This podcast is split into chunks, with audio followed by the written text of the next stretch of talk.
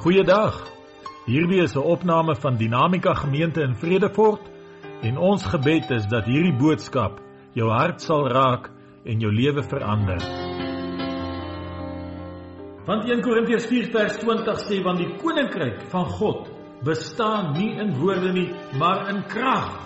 Dunamis krag, dinamiese krag.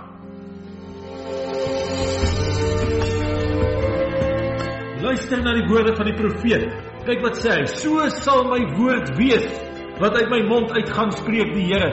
Dit sal nie leeg na my terugkeer nie, maar doen wat my behaag en voorspoedig wees in alles waartoe dit stuur."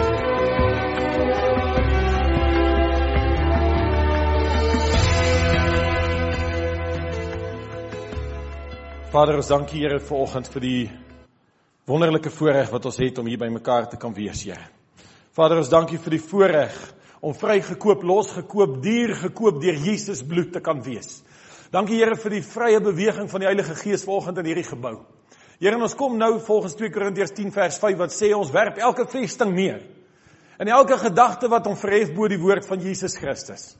Here, en dit wat ons van ons gedagtes verkeerd dink, die verkeerde opvattinge wat ons het, die teleurstellings wat ons het, die lewens wat ons al gelei het wat ons soveel houe en pak slaag gegee het wat ons ander goed wil leer as wat die woord van God leer. Ons kom werp dit neer vanoggend in die naam van Jesus Christus. Ek bid volgende Here in in ooreenstemming met Openbaring 3 vers 20 laat elke hartsdeur sal oopmaak en Jesus sal inkom. Waar hy inkom bring hy 'n feesmaal saam. En dat daar fees sal wees in elke hart, Here. Nie teleurstelling, nie moedeloosheid, nie hopeloosheid nie, Here, maar 'n verwagting vir die God wat gaan deurbreek. Halleluja. En ons wil U naam oplig vanoggend, Here. Ons wil sê welkom in hierdie plek. Holy Spirit, thou art welcome. Omnipotent Father of mercy and grace, thou art welcome in this place. Kom bedien ons net soos wat U wil vanoggend. Breek die varsgebakte brood van die hemel in ons harte en mag ons hier uitgaan verryk, vernuwe, opgelig, opgetel, versterk, bekragtig deur die Gees van God in Jesus naam. Amen. Prys die Here. Matteus hoofstuk 17 vers 19. Kom ons lees daar saam. Die woord sê: "Toe kom die disippels na Jesus afsonderlik en sê: Waarom kon ons hom nie uitdryf nie? Vir die van u wat eers vanoggend bygekom het in hierdie reeks, hierdie week gaan die Here my tyd gee om hierdie preke te edit en dan gaan julle dit kry op die groep en dan luister jy gerus die voorafgaandes. Dan gaan jy mooi verstaan waaroor dit gaan. Ek profeteer Johannes die blyste. Hy het dit al laas Sondag begin spreek, so dit begin nou vrugte dra.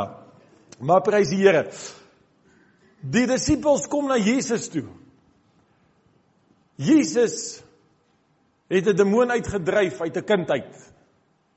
Die kind vrygemaak van iets wat geen dokter, geen geneesheer, geen niemand kon enigiets help nie. En hy kom na Jesus toe. Eers na die disippels toe. Die disippels probeer. Hulle doen alles wat Jesus doen. Hulle sê dieselfde woorde, hulle doen dieselfde aksies, maar niks gebeur nie. En Jesus kom en hy sê uh en hy en hy spreek die demoon aan en die woord sê hy het hom met 'n woord uitgedryf en die kind het gesond geword. En toe kom die disippels na Jesus toe en sê: "Here, waarom kon ons hom nie uitdryf nie? Ons het die regte goed gesê want toe Jesus hom uitgedryf het, het hy niks anders gesê nie. Hy het niks nuut gesê nie. Dis maar dieselfde ding." En Jesus kom en hy antwoord hulle so mooi. Prys die Here vir Jesus se antwoord. Hy sê: "Deur julle ongeloof. Want voorwaar ek sê vir julle, as julle geloof het soos 'n mosterdsaad, sal julle vir hierdie berg sê gaan weg hiervandaan daarna toe en hy sal weggaan en niks sal vir julle onmoontlik wees nie. Kom ons sê daai laaste deeltjie saam. Gaan weg hiervandaan daarna toe en hy sal weggaan en niks sal vir julle onmoontlik wees nie. As jy dit glo sê bietjie amen. Amen. Ek glo Jesus. Ek glo. As daar een mens is wat ek vertrou, in die hele geskiedenis van die aarde dan is dit Jesus Christus. My vertroue is nie op die mens nie. My vertroue is nie op die arm van vlees nie. My vertroue is in die woord van God en die woorde van Jesus Christus. En as hy gesê het niks sal vir my onmoontlik wees nie, dan sal dit nie. En ek wil vir julle sê dit is die waarheid. Dit is die reine waarheid. Niks sal vir julle onmoontlik wees nie. Ons het laas Sondag toe ons mekaar gesê, Ons weet by God is alle dinge moontlik. Dan Susan het vir ons die skrif gelees laasweek. Gesê by God is alle dinge moontlik. Ons weet dit. Maar hoeveel van ons glo dat by ons deur die geloof in Jesus Christus, deur die krag van die Heilige Gees, deur sy woord te implementeer, vir ons is alles moontlik. Want dis tog wat Jesus daar gesê het. Jesus het nie daar gesê by God is alle dinge moontlik. Hy het dit op 'n stadium ook gesê. Maar hy sê hier, hy fokus op die disippels. Hy sê vir julle sal niks onmoontlik wees nie. En dit maak my opgewonde. Dit maak my opgewonde want dit sê God sien dat daar iets is wat ek moet regkry deur die krag wat hy my gee. Niks sal vir julle onmoontlik wees nie. Kom ons gaan vir 'n oomblik na Johannes hoofstuk 11 toe. Ons het deur hierdie reeks wat ons besig is, is daar 'n paar feite, paar standpunte wat ons deurskryf in die vorige boodskappe daar heeltyd so 1 2 gekom wat ek gesê het skryf hierdie een neer. Nou kom ons skryf vanoggend weer een neer. Hier is hy. Niks is te laat as dit by God kom nie. Niks is te laat as dit by God kom nie. Hoor wat sê die woord van die Here. Johannes hoofstuk 11 vers 1 Hy sê daar was 'n man siek, Lazarus van Betanië, die dorp van Maria en haar suster Martha. Hulle het in Betanië gebly. 3 kinders van 'n ma en pa. Die broer is Lazarus, twee susters Martha en Maria. In vers 2 en dit was Maria wat die Here gesalf het met salf en sy voete afgedroog het met haar hare wie se broer Lazarus siek was. Die susters het toe na hom gestuur en gesê: "Here, hy vir wie u liefhet, is siek." Dis interessant, Jesus is op 'n plek ver weg daarvandaan en hulle stuur 'n boodskap en hulle laat weet vir Jesus en sê: "Here, as ons mooi gaan sien wat hierdie wat wat wat die verhouding is tussen Martha, Maria, Lazarus en Jesus, dan kan ons sien hulle was eintlik tipe van huisvriende." Jesus was geweldig lief vir hierdie drie. Dit was sy vriende, dit was die mense waarmee hy saam tyd spandeer het, saam gekuier het, saam geëet het. En hulle kom, hier kom die boodskap by Jesus aan. En hulle sê, Here, die een vir wie U liefhet, Lazarus, is siek. En Martha en Maria versorg hom en die siekte raak erger en erger. En die oomblik toe Jesus dit hoor, toe sê hy die volgende woorde. Luister wat sê Jesus. Hy sê hierdie siekte is nie tot die dood toe nie, maar tot die heerlikheid van God, sodat die seun van God daardeur verheerlik kan word. Prys die Here. Wat 'n antwoord op 'n siekte boodskap. Wie van julle het al so geantwoord? Dis hy. Dan leer ons weer iets. Hier kom die siekte. Jy weet gewoonlik as jy ons hoor iemand het kanker, iemand het suiker siekte, ai, sies tog, ai, sy, o, oh, dis vreeslik. Jesus het nie daai mentaliteit gehad nie. Jesus kom, hy sê hy profeteer. Dis wat profesie is. Profesie is om te spreek wat die woord van God sê. Een definisie van 'n profesie en ons moet leer hoe om so te profeteer, want dit is elkeen van ons se deel. Baie van ons dink ons kan net profeteer as dit 'n gawe is van die Gees wat vir jou gegee word. Een van die primêre funksies van profesie is om te sê wat God se woord sê en jy profeteer. En dis wat Jesus hier doen. Hy sê hierdie siekte is nie tot die dood nie. Hierdie siekte is nie tot die dood nie. Hierdie siekte sal uitdraai tot die heerlikheid van God die Vader. En daai boodskap stuur hy terug met die boodskapper terug na Martha, Maria, Lazarus toe. Wees gerus, Lazarus sal nie sterf nie, hy gaan leef. En ek gaan verheerlik word daardeur sê Jesus. En die boodskap kom by Martha en Maria uit en hulle verbly hulle daarin. Sê dankie, prys die Here. Jesus is op pad. Hy gaan kom. En wanneer hy hier kom, gaan hy Lazarus aanraak en Lazarus gaan gesond wees. En so stap die tyd aan en wat my baie interessant is, is dat hy sê in vers 6 en toe Jesus hoor dat hy siek is, het hy 2 dae vertoef in die plek waar hy was. En die feit dat die woord dit so sê, dit dit is my as, asof Jesus dit moetswillig gedoen het moeswillig die tyd laat verbyloop het. Hoekom? Intussen word Lazarus al sieker en al swakker. En Martha Maria is bekommerd want hulle broer is besig om heeltemal weg te kwyn. Hulle het 'n belofte van Jesus. Hy sal nie sterf nie. Maar dit gaan nog nie beter nie. Dit gaan nog nie beter nie. Hy is besig om te verswak. Hy's besig om sterktes agteruit te gaan. Alles gaan slegter. En so het dit aangegaan en Jesus het nie gekom nie. Hulle het die horison dopgehou, heeldag by die huis se venster sit en uitkyk, gewag vir 'n boodskapper. Jesus daag nie op nie. En wat gebeur? Die dag breek aan wat Lazarus sy laaste asem uitblaas. En ek kan net dink wat in hierdie twee vrouens se harte moes gewees het, die verskriklike teleurstelling. Hulle het 'n belofte van die seun van God gehad. Hulle het dit geglo en dit het nie uitgewerk nie. Hoe kan dit wees? Jesus het hulle bedrieg. Jesus het vir hulle leuen vertel. Hy en wie hulle vertrou het, hulle vriend, meer as net die seun van God was hy hulle vriend. Lazarus sterf. Jy weet ons kan baie keer dalk net daar stil staan ons kan vir mekaar sê maar Jesus het dan gesê die siekte is nie tot die dood nie. Hoe is dit dan dat die siekte op dood uitgeloop het? Kyk wat sê in vers 17. Toe Jesus daar aankom, het hy gevind dat hy al 4 dae in die graf was.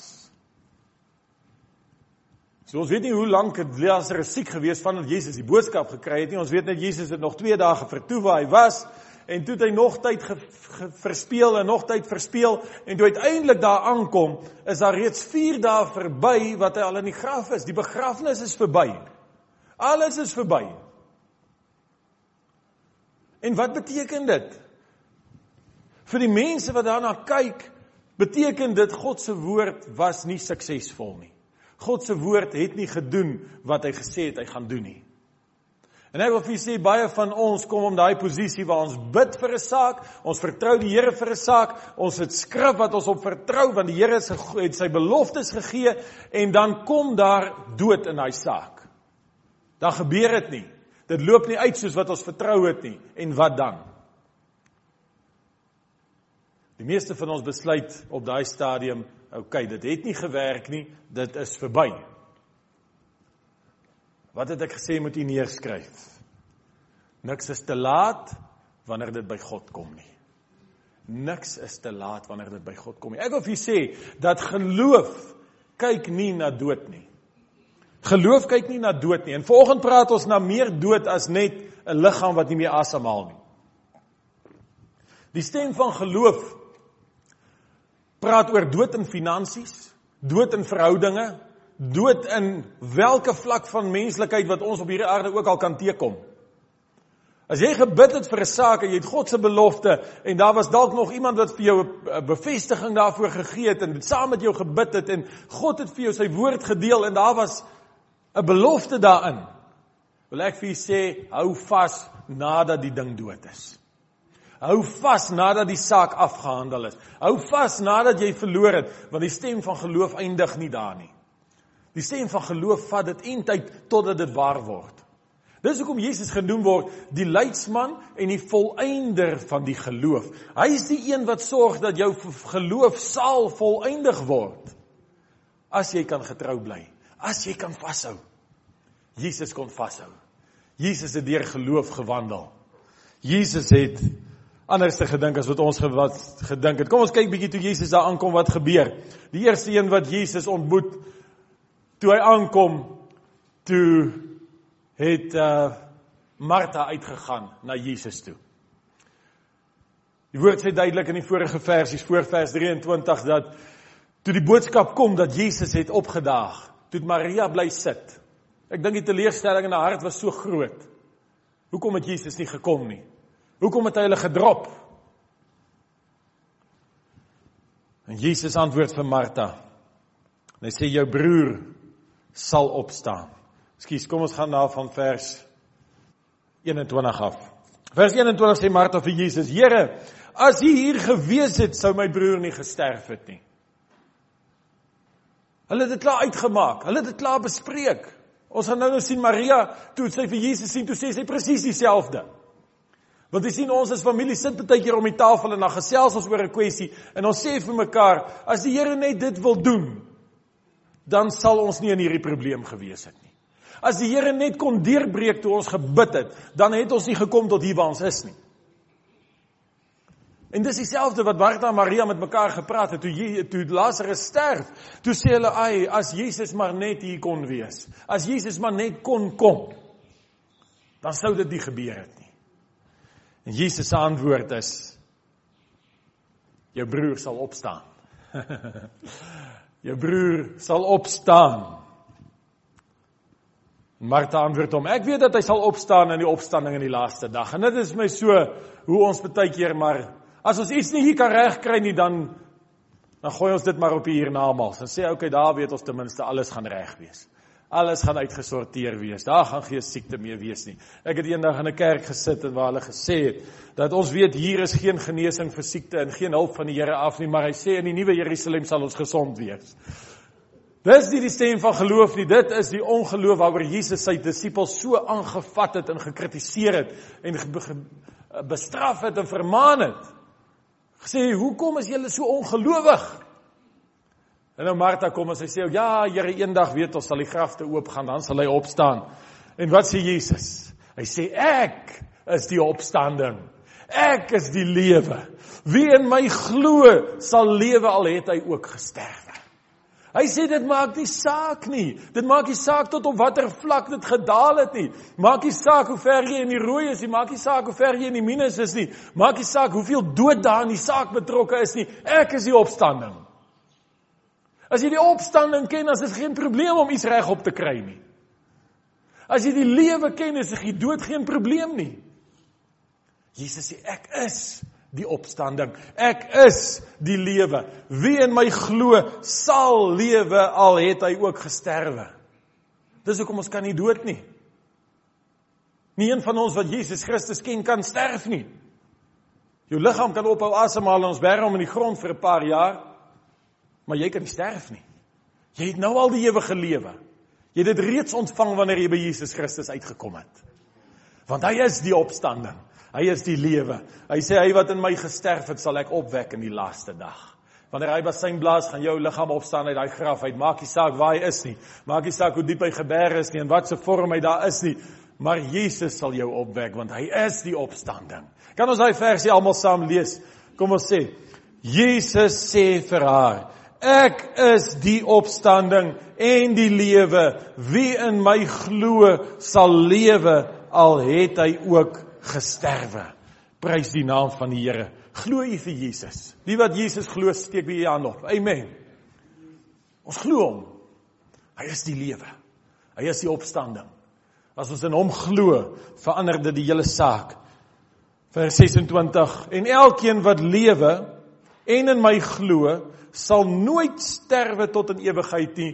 Glo jy dit? Jesus kom weer terug. Onthou ons het laas Sondag afgesluit. En en Jesus se vraag was nie toe die toe die seun besig is om te manifesteer hierdie die deur die, die demoon. Toe Jesus besig om met die pa te praat en hy sê vir hom: "Glo jy?" Jesus het nie net die kind gesond gemaak nie.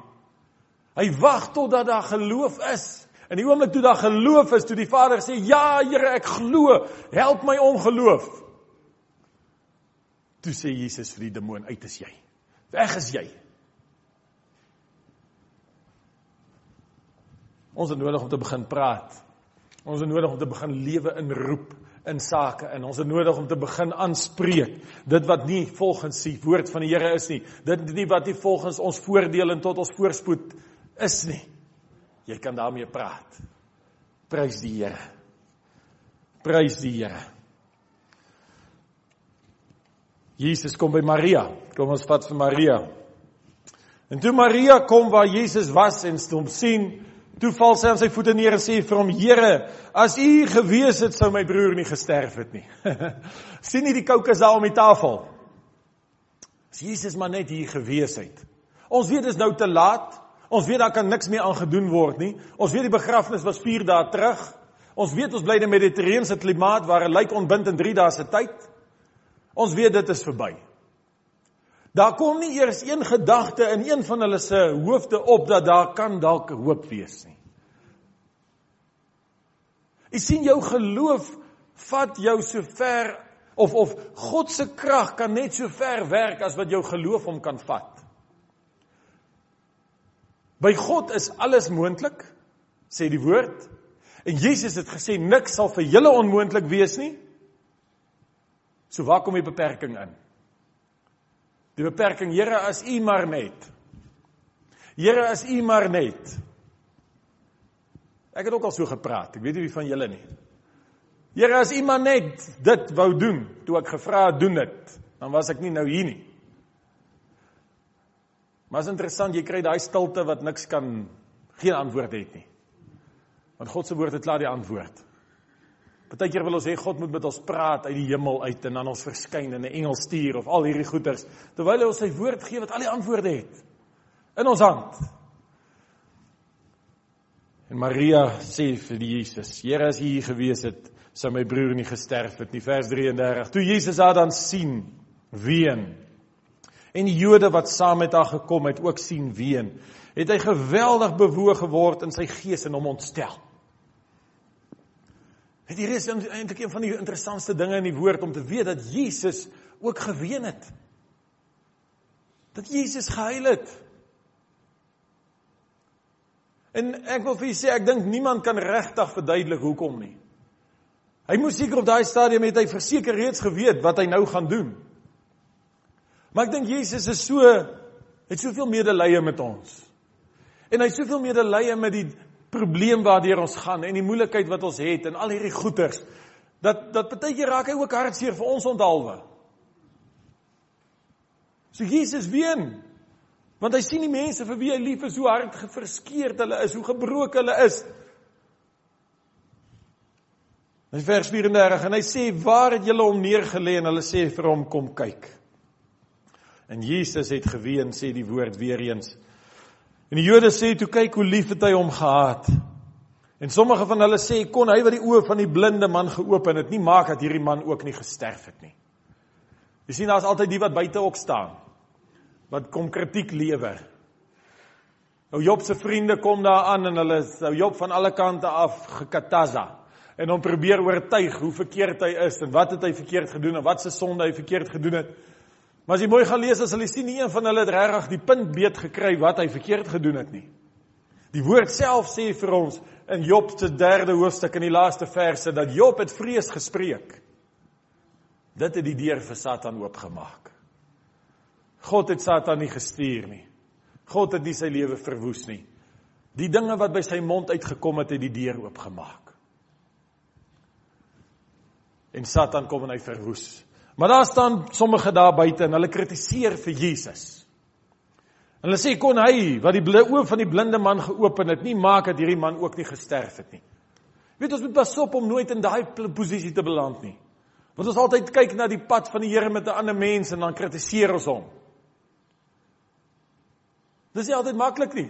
Dit is maklik om buite te sê te staan en sê ja man, maar jy moet net bietjie glo. Jy glo nie, ek weet jy Hoe weet ons wat gaan in iemand anders se hart aan? Hoe weet ons wat gaan in sy binneste aan? Watter moeilike sake het hy wat hy besig is om op te weeg? Partykeer sien ons sien ons iemand aan die buitekant wat wat bietjie moeilik optree en wat nie reg optree nie en al hierdie dinge en dan veroordeel ons hom dadelik. En sê kyk hoe maak hy? Maar watter beproewing lê nie in daai lewe nie? Watter pad is die Here nie besig om te stap nie? Ek wil nie eers praat van die mense wat in kerke sit en sê ag daar is nie meer wonderwerke nie, daar is nie meer en hulle lag die uit wat probeer vir mense bid. Laat die ou lag wat wil lag. Ou Mangus het gesê toe die Here hom geroep het, toe die Here hom drie goeters gevra. Ek kan nie onthou wat al drie was nie, maar ek weet een van hulle was.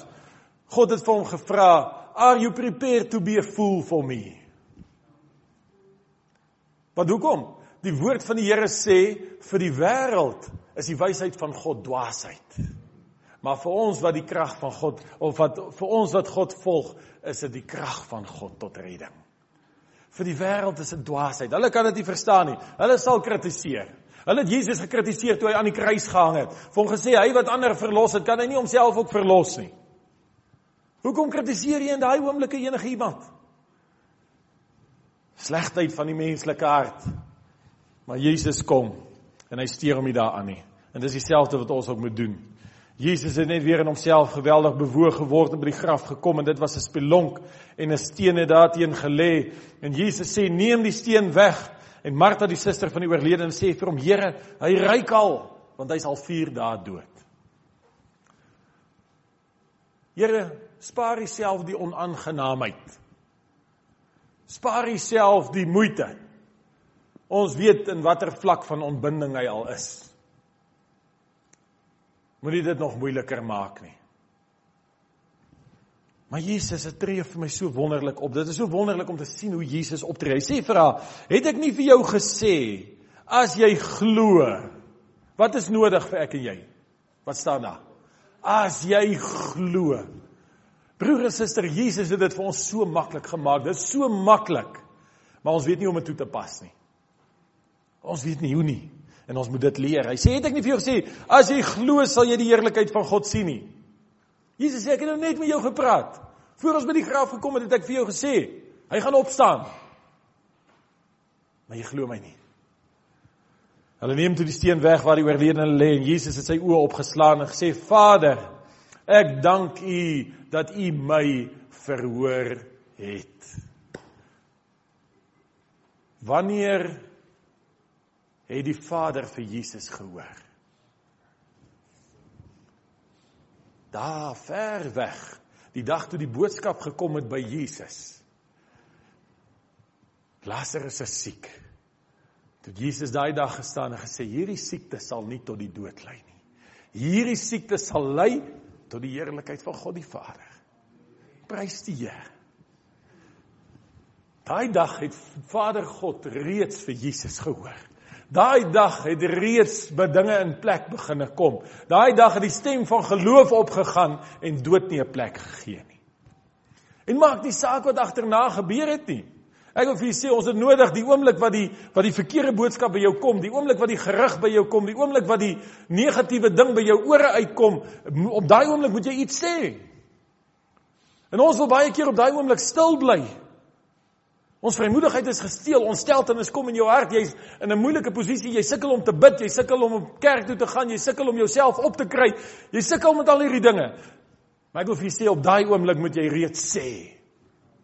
Jesus sê, as jy geloof het soos 'n mosterdsaad, sal jy vir hierdie berg sê, werp jou op en val in die see en dit sal gebeur en niks sal vir julle onmoontlik wees nie. Prys die Here. Prys die Here. Niks is te laat as dit by God kom nie. Niks is te laat nie. Moenie die streep trek die oomblik wat jy dink die laaste asem is uitgeblaas nie. Moenie die streep daar trek nie. Jesus het sy oë opgeslaan en gesê: "Vader, ek dank U dat U my verhoor het." Kom ons kyk mooi wat doen Jesus hier. Jesus het sy oë opgeslaan en gesê: "Vader, ek dank U dat U my verhoor het." En ek het geweet dat U my altyd verhoor. Prys die Here. Wie kan dit sê met eerlikheid volgens God hoor jou altyd. Hy hoor jou altyd, prys die Here. Daar's nie 'n oomblik wat hy nie hoor wat jy sê nie. Maar ons dink hy hoor nie. Ons dink dit kom nie by hom uit nie. Hy sê ek het geweet dat U my altyd verhoor, maar ter wille van die skare wat rondom staan het ek dit net gesê sodat hulle kan glo dat U my gestuur het. So Jesus sê Vader, ek en U het 'n verhouding. Ek weet dat U my altyd verhoor, maar kom ek sê dit net ter wille van hulle wat hier rond staan dat hulle weet hoe werk dinge. Dat hulle weet hoe werk geloof. Dat hulle weet hoe werk dit om te profeteer en te spreek en te sê dit sal nie tot dood lei nie, dit sal tot lewe lei. En Jesus spreek hierdie dinge en hy gaan verder. En nadat hy dit gesê het, so kyk wat mooi wat gebeur. Jesus was vir een oomblik in gebed praat tot sy Vader. Dankie Vader dat U my altyd verhoor. En ter wille van hulle wat hier staan, het ek dit gesê sodat hulle kan glo. En toe het hy klaar gebid. Amen gesê. Hy staan voor hierdie graf.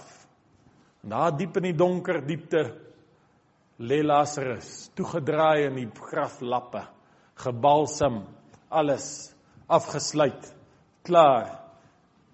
En wat doen Jesus? Hy sê, hy roep met 'n groot stem, Lazarus, kom uit. Lazarus kom uit. Jesus het nie gebid vir Lazarus nie. Hy het nie sy hande op Lazarus gelê nie. Hy het gedoen wat hy Matteus 17 vers 20 sê. As jy geloof het soos 'n mosterdsaad, sal jy vir die berg sê. En hy sê vir Lazarus, kom uit. En wat gebeur? Ek dink die wat daar rond gestaan het, ek wens ek kan dit sien. Eendag in die video, ag eendag in die hemel gaan daar sulke video's wees. Lazarus se episode, dan gaan ek hulle kyk. Ek wil sien hoe dit gelyk in Noag se dag. Ek wil sien hoe dit dit was toe toe Moses voor die Rooi See gestaan en sy staf opgehef het en hy water sloop. Maar kyk wat sê hy. Die oorledene het uitgekom aan hande en voete met grafdoeke gebind. Ek wonder hoe dit gelyk. Ek weet nie of sy bene aan mekaar gebind, hy moes seker dalk so gespring het.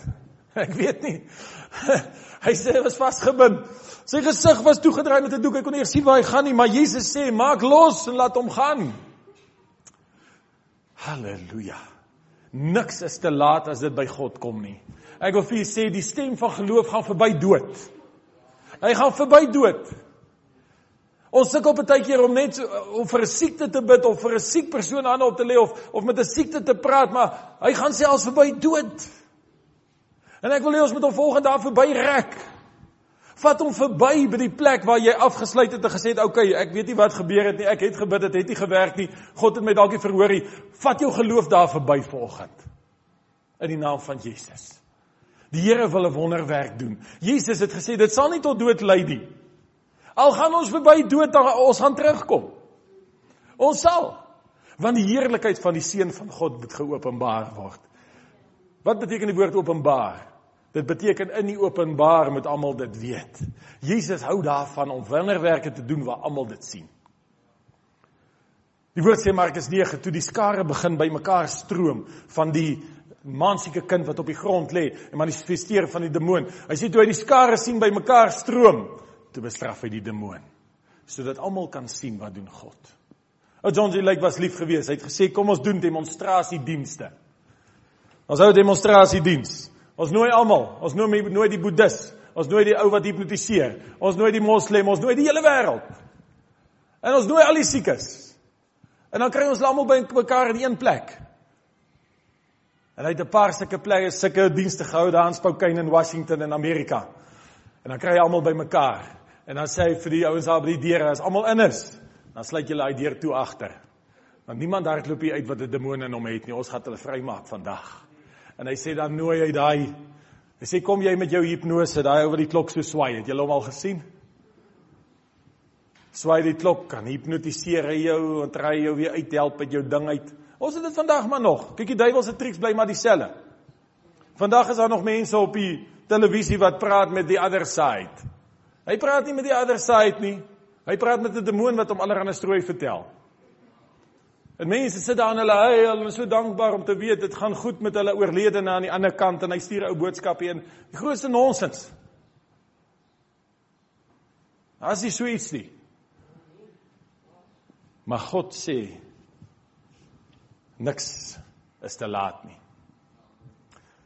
En hy roep hy mense bymekaar en dan gee hy elkeen 'n geleentheid. Die ou boeddhis sit daar en hy mediteer tot hy blou word, maar hy kry nie die siekte weg nie. Die moslem kom en hy try sy triks en hy roep vir Allah maar alle dag nie op nie. En wat gebeur op die ou end? John G. Hurry kloof verby. Hy raak elkeen aan die krag van die Here vloei deur. Al die siekes word gesond en teen die tyd wat dit gebeur, raak die salwing van die Here so sterk in hy plek dat hierdie boeddhis en hierdie klokswaier en al hierdie ouens wil uithardloop by die deur en daar word hulle voorgekeer. En dan sê hy vir daai manne bring hulle vorentoe. Nou dryf ons duiwels uit. sien Jesus is die enigste oplossing. Daar's ouens wat sulke dik sielkundige boeke lees en try om sy issues uit te sorteer en daar's ouens wat wil beraad en wil beraad en kom by die Here uit. Ek wil vir julle sê daar's een oplossing. Kom kniel jy op die mat uit, bely jou sonde voor die Here, gee jou hart vir Jesus. Dis waar jy gaan verlossing vind. Dis waar jy gaan vrykom. Daai ou bekkies wat jy dra van die verlede. Gooi hom hier af.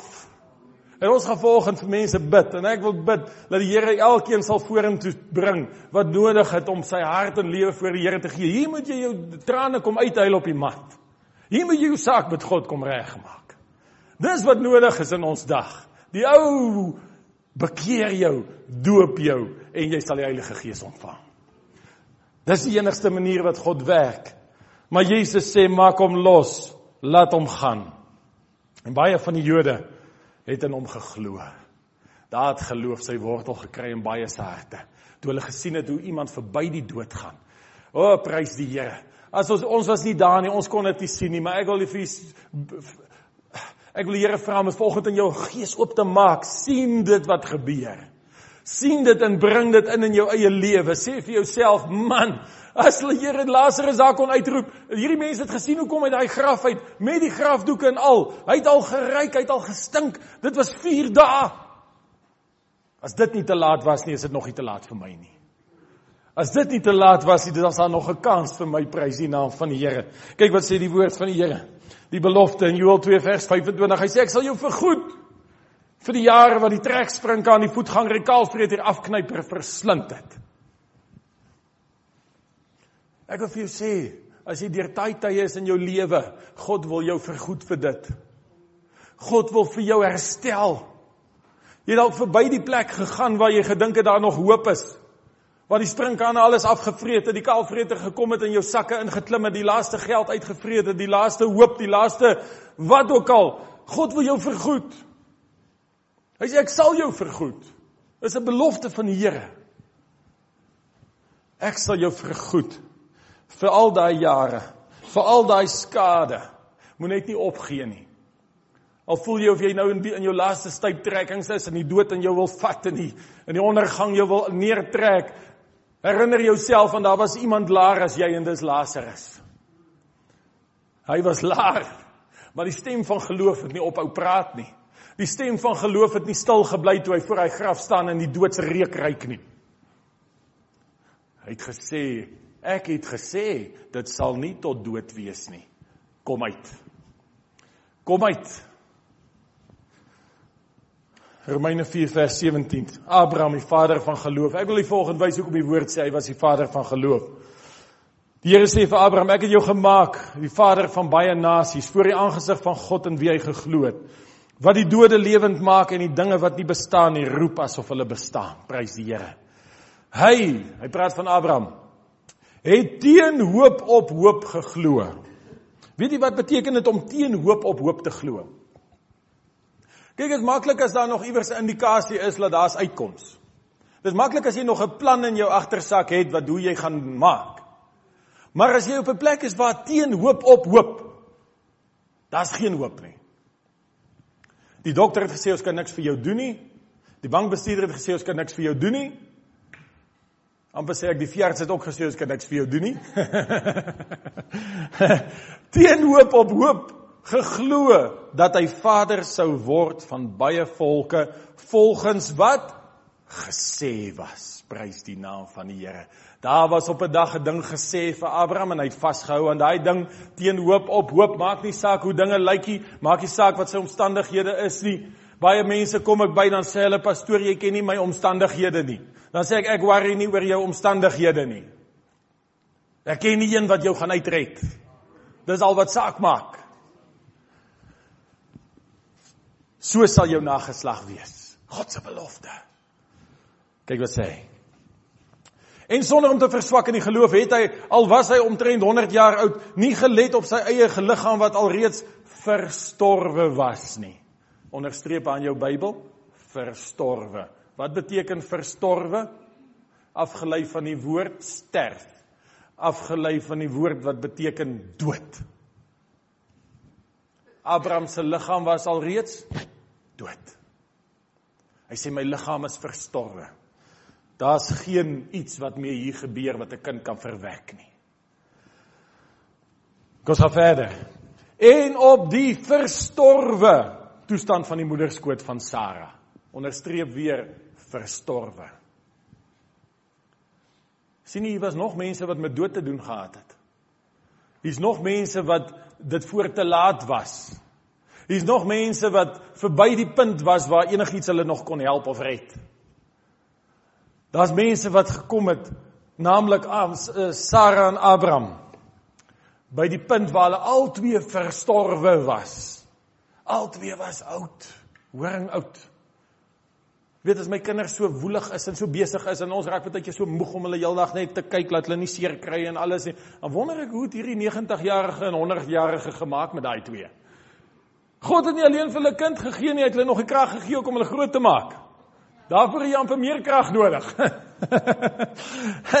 hy sê die verstorwe toestand. Daar's dood in die moederskoot van Sara. Daar's dood in die lendene van Abraham, maar hy sê ek het 'n belofte.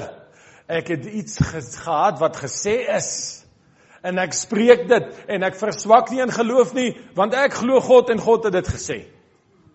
Dit is so maklik, broer en suster, dit dit voel vir my of die lig so eenvoudig altyd deurbreek as hy deurbreek. Laat ons so mooi kan verstaan wat sê die woord van die Here. Kyk wat sê hy. En hy het nie deur ongeloof aan die belofte van God getwyfel nie, maar hy is versterk deur die geloof en het aan God die eer gegee. So wat doen Abraham? Elke oggend staan hy op. Sê Here, ek verheerlik U. Ek dank U vir hierdie wonderlike dag. Ek dank U Here vir my kind wat op pad is. Dankie Here, ek is 90 jaar oud. Dankie, hy's op pad. Prys die Here. Toe hy 95 is, toe bid hy dit weer en sê dankie Here, hy's op pad. Ek verbly my in U. Hy's op pad. Hy kom 96, 97, 98, 100. Dankie Here. Hy's op pad. Dit beteken om die eer aan God te gee. Dankie vir die wonderwerk wat U doen. Dankie vir die grootheid van U genade. En in vers 21 sê hy en hy was ten volle oortuig dat hy ook die mag het om te doen wat hy beloof het. Hy was ten volle oortuig. Markus 9 gesê Jesus, as jy die geloof van 'n mosterdsaad het en nie in jou hart twyfel nie. Moenie gedagtes toelaat om te begin nie. Moenie twyfel gedagtes toelaat om 'n plek te kry in jou lewe nie. As jy ding gespreek het, staan by hom. Bly by hom. Abraham het nie 'n maklike lewe gehad nie. Ons dink baie keer die Bybelmense het dit so maklik gehad. God het hier verskyn, hy help by hom en dan gaan hy weer aan en ons sukkel maar vandag. Ek wil vir u sê hy jare, der jare, der jare gewag vir daai kind. Vir die belofte van God en dit het nie makliker geword nie. En daar op die ou en kom Isak aan seun van die Here. Die belofte het waar geword. En wat gebeur? Volgende verskyn God aan Abraham en sê vir hom: "Gaan offer jou seun." En die, en die, en soos of die Here dit invryf, die een wat jy liefhet, gaan offer hom vir my op die berg. Wat kon in hy vader hart gebeur het? Kom ons gaan gou soontoe. Hebreërs hoofstuk 11. Wie weet waaroor gaan Hebreërs hoofstuk 11? Ag ek dog almal gaan gelyk sê, geloof, maar ek sien ons het nog so 'n bietjie 'n gebrek aan kennis. In Hebreërs hoofstuk 11 lees ons die volgende: Deur die geloof het Abraham toe hy op die proef gestel is, Isak geoffer. Wie onthou hoe dit geloop daar met die verhaal van Isak en Abraham? Het Abraham hom geoffer? Hy het nie op die ou end nie. Hoekom sê Hebreërs dan hy het hom geoffer? Want ek wil vir julle sê in die gees het die ding klaar gebeur. In die gees was die knoop klaar deurgehak. In die gees het het Abraham reeds Isak afgestaan. Omdat God gesê het hy moet.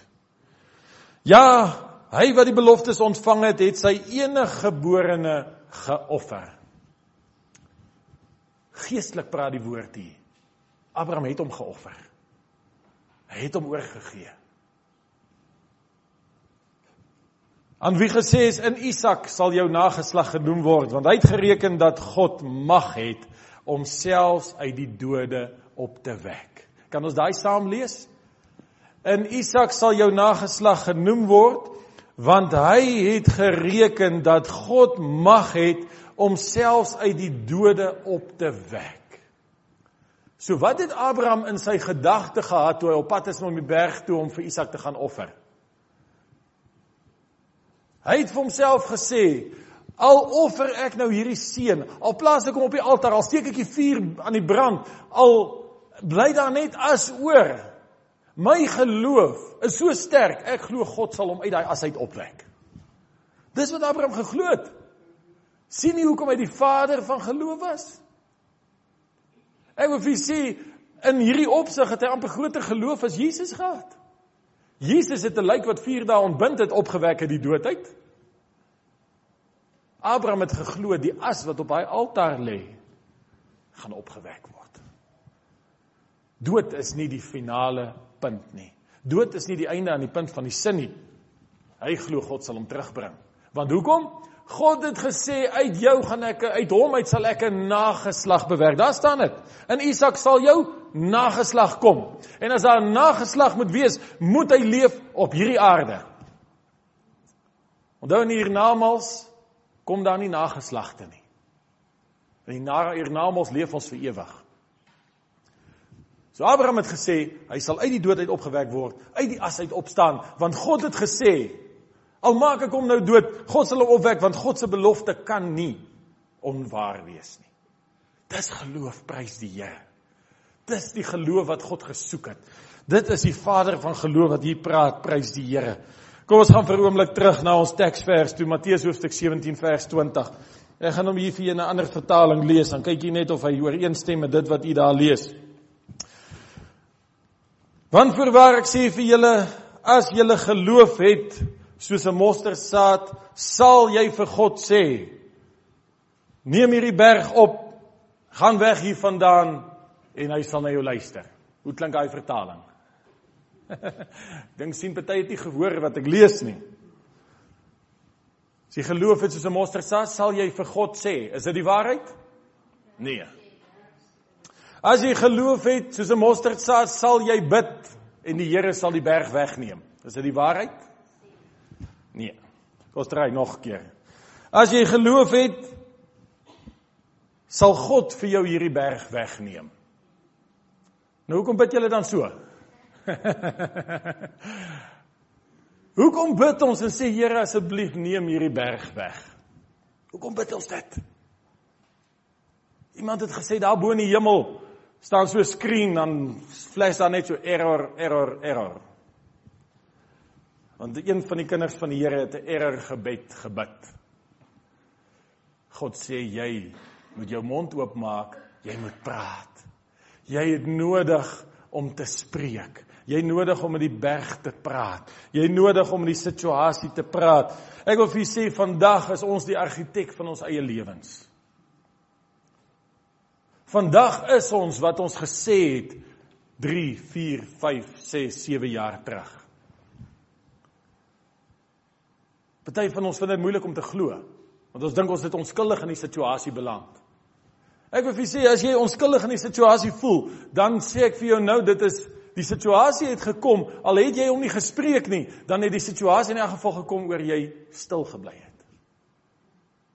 Oor jy iets moes sê wat jy niks gesê het nie. Abraham het elke dag het hy die eer aan God gegee vir 'n kind wat op pad is. Het elke dag God se naam aangeroep en gesê dankie. Jesus het toe hy die tyding hoor van die van die siekte, toe sê hy hierdie siekte sal nie tot dood lei nie. Die van die wat siekte aan die liggaam het, ek dink is 'n goeie ding om te sê. Jy kan die woorde van Jesus gebruik. Ons is die argitek van ons eie lewe. Verloor jou werk, wat nou? Hulle breek in en steel, wat nou? My goed gesteel. Hoe kan dit wees? Ek dink aan altyd aan nou oom Koos en tannie Bets. Wat was hulle van tannie Susan? Els. Oom Koos het Els en tannie Bets Els. Daar by oom Johannes hulle op die plaas gebly. Oom Johannes het een Sondagoggend hier getuig. Hy sê hy staan in die oggend op en daar sy bakkie gesteel. Rowers het in die nag gekom, sy bakkie gesteel. En onmiddellik in mense geheue is dit ek het verloor. Ek het verloor. Waar was die engele van die Here? Hoekom het die Here se belofte nie gewerk nie? Psalm 91 is in my huis opgeplak. Daar lê 'n oop Bybel. Ek gaan elke Sondag kerk toe. Wat nou? En oom Johannes kom by oom Koos els daai oggend. En hy sê: "Hoorie, jy sien nie glo nie my bakkie is gesteel." Oom Koos sê: "Prys die Here, prys die Here." En oom Johannes sê: "Wat?" Hy sê: "Prys die Here, die Here wil vir jou 'n nuwe een gee." sien jy die stem van geloof? Halleluja. Prys die Here. As daar moeilikheid u tref, daar's iets wat jy moet sê. As daar probleme op jou pad is, daar's iets wat jy moet sê. Halleluja. En om Johannes het begin insien wat hom Koos sê en die Here het vir hom 'n nuwe bakkie gegee. 'n Wonderwerk. Sien duiwel kan niks doen wat God hom nie toelaat nie. So as God iewers iets toelaat, dan het God vir jou iets beter in stoor. Dis 'n nuwe pad. Partykeer moet ons ook bietjie karakter bou, partykeer moet ons net so bietjie ons geloof versterk. Maar daar's iets wat jy moet doen en dis om nie stil te bly nie. Begin spreek, begin sê, Here, dis wat u woord sê. Ek glo dit, ek bely dit. Ek staan in hierdie oggend op, ek juig in die Here. O Habakuk sê selfs al is dag geen vee in die krale nie, selfs al het die vrye boom nie gebot nie. Ek sien die vrye bome begin nou bot, is nogal in die seisoen wat ons nou in is. Al sou die vrye boom nie wind bot nie, al sal daar geen drywe aan die wingerde wees nie. Al sal die olyfboom misluk, nogtans sal ek in die Here jubel. Halleluja. Ou Jona was in die dieptes van die oseaan, in die maag van die vis. Daar was geen hoop nie, geen uitkoms nie. Die vis het hom ingesluk. Hy sit hier in hierdie maagsappe van hierdie vis en hy begin profeteer in Joël 2. Jy kan dit daar gaan lees. Hy sê ek sal weer na die huis van die Here gaan. Ek sal weer gaan en getuig van die wonderdade van die Here. Ek sal weer gaan opstaan en saam met die kinders van God sy naam groot maak. Wat 'n waarborg het hy? Geen. Hoe weet hy dit? Hy weet dit nie. Hoe kan hy dit sê? Hy glo dit. Halleluja. Halleluja. Ons het iets om te leer. Ons het iets om by uit te kom prys die naam van die Here. Halleluja.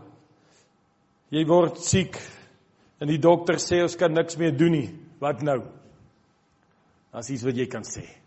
Jy kan die woorde van Jesus Christus gebruik in Johannes 11 hierdie siekte sal nie tot die dood lei nie. Weet 'n paar jaar terug toe kom hy haal die 28ste Januarie.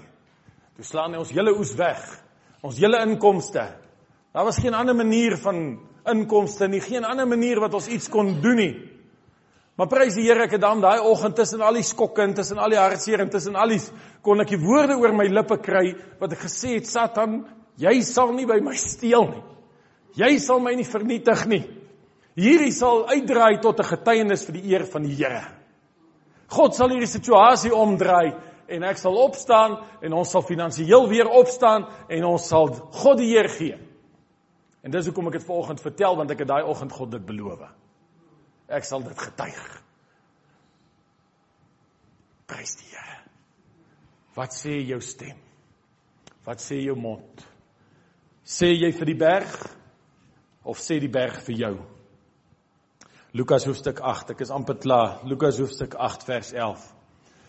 Jesus praat oor die gelykenis van die saaier. Hy verduidelik dit vir sy disippels. Hy sê die saad is die woord van God. Ons is nou in die seisoen wat ons gaan begin tuin maak. Gaan begin sade saai. Nou ek wil vir jou sê saad werk so. Of jy 'n sondaar is of jy 'n kind van die Here is, As jy 'n put vat, 'n saad vat en jy druk hom in die grond in die somerseisoen en jy gee hom water, dan gaan hy groei. Dis hoe saad werk. God het daai beginsel ingestel. En hy sê die saad is my woord. My woord is die saad.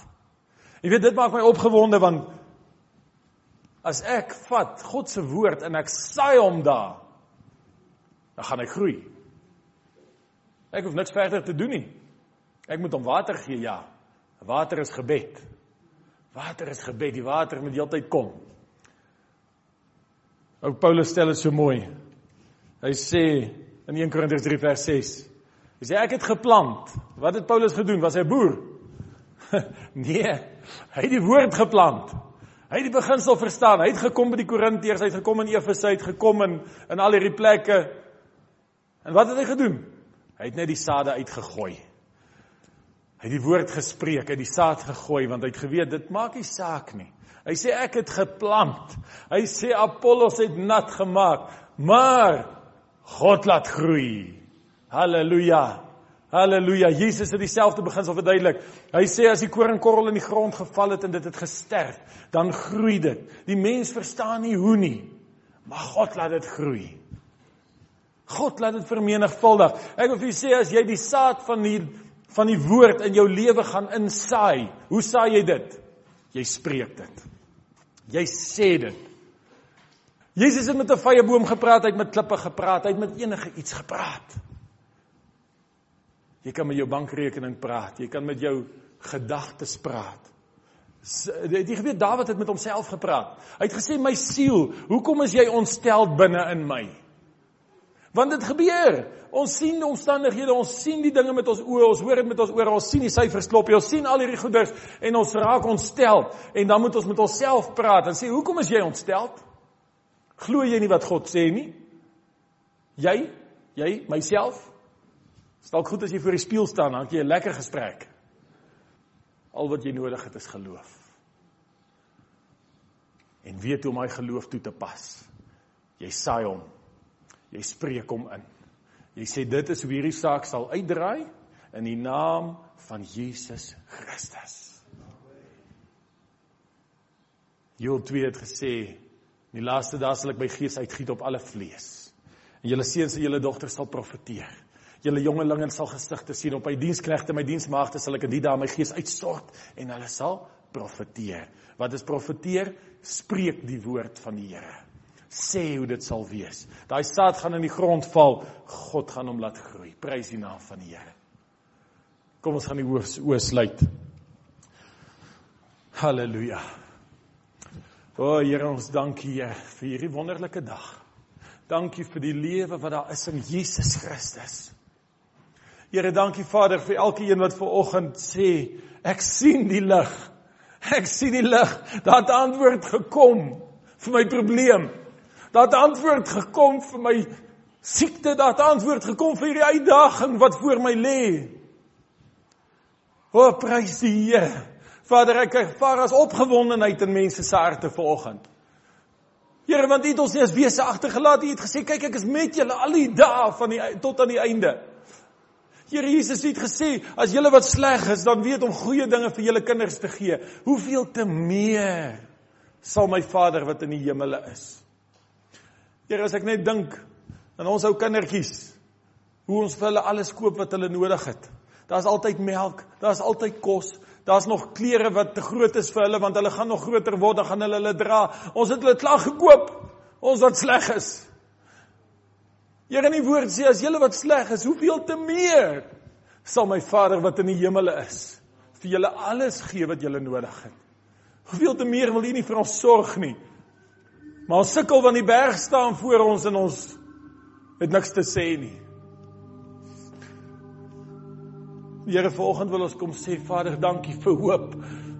Dankie vir 'n toekoms. Dankie dat die woord sê in Jeremia 9 vers 11, ek weet wat ek vir jou beplan sê die Here. 'n Hoopvolle toekoms. En Here vanoggend wil ons onsself kom verbind aan die woord in die naam van Jesus Christus. Ek wil volgende elkeen uitnooi wat sê ek het nodig om met die Here bietjie te praat. Ek het nodig om my hart en my lewe vir die Here te gee. Kom hier na vorentoe. Kom kniel hier neer op die mat. Kom kniel hier neer en kom gepraat net met die Here. Niemand gaan enigiets by jou doen nie. Jy is jy en die Here. Jesus het gesê kom na, nader tot my en ek sal tot jou nader. Hy wag vir jou om die eerste streep of die eerste tree te gee. Ek nooi jy weer eens uit. Kom. Kom kniel hier voor op die mat. Kom kniel voor die Here. Elkeen wat sê ek het God nodig. Ek het die Here nodig. Here sê in sy woord vandag as jy die stem van die Here hoor, moenie jou hart verhard nie. Kniel voor hom. Here sien jou. Halleluja, dankie Jesus. Dankie Here. Dankie dat U in harte werk che da banana der bassi trainer by ander basalman aan intervenente. Here ons bid vir die kragtige werk van die Heilige Gees. Dankie Jesus. Dankie Here. Halleluja. Halleluja. I need thee, oh, I need thee. Every hour I need you, my one defense. my righteousness, oh God.